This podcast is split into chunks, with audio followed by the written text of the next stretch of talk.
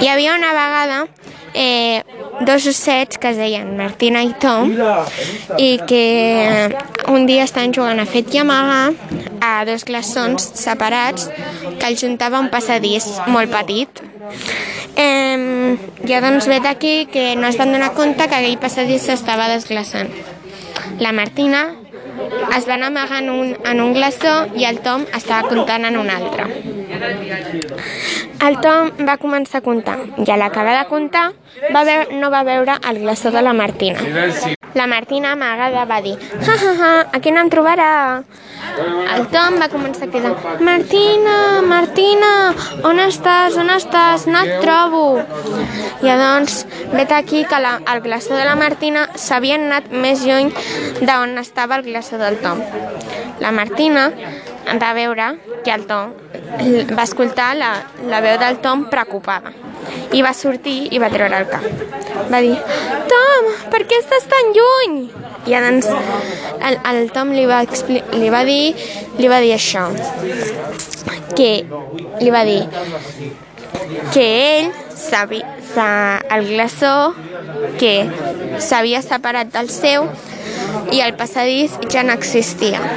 Va dir que aniria a buscar ajuda. Corrents, el Tom va anar a buscar ajuda.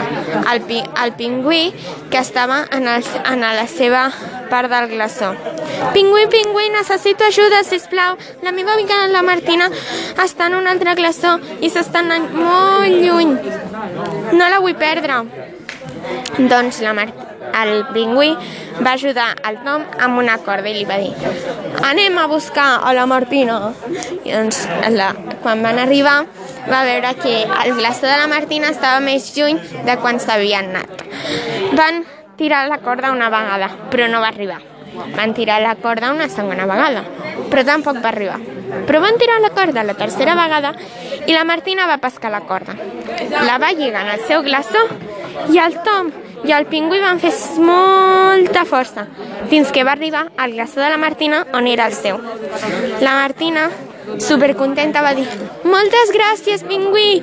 Que bé, Tom, que ja estiguem junts! I li va fer una abraçada. El Tom i la Martina van celebrar una festa juntament amb el pingüí, celebrant aquell, aquell mila, miracle de que la Martina no s'hagués anat per tot l'oceà. Així que ja sabeu que molts ossos es separen per culpa del canvi climàtic. Així que evitem que es desclassin els icebergs.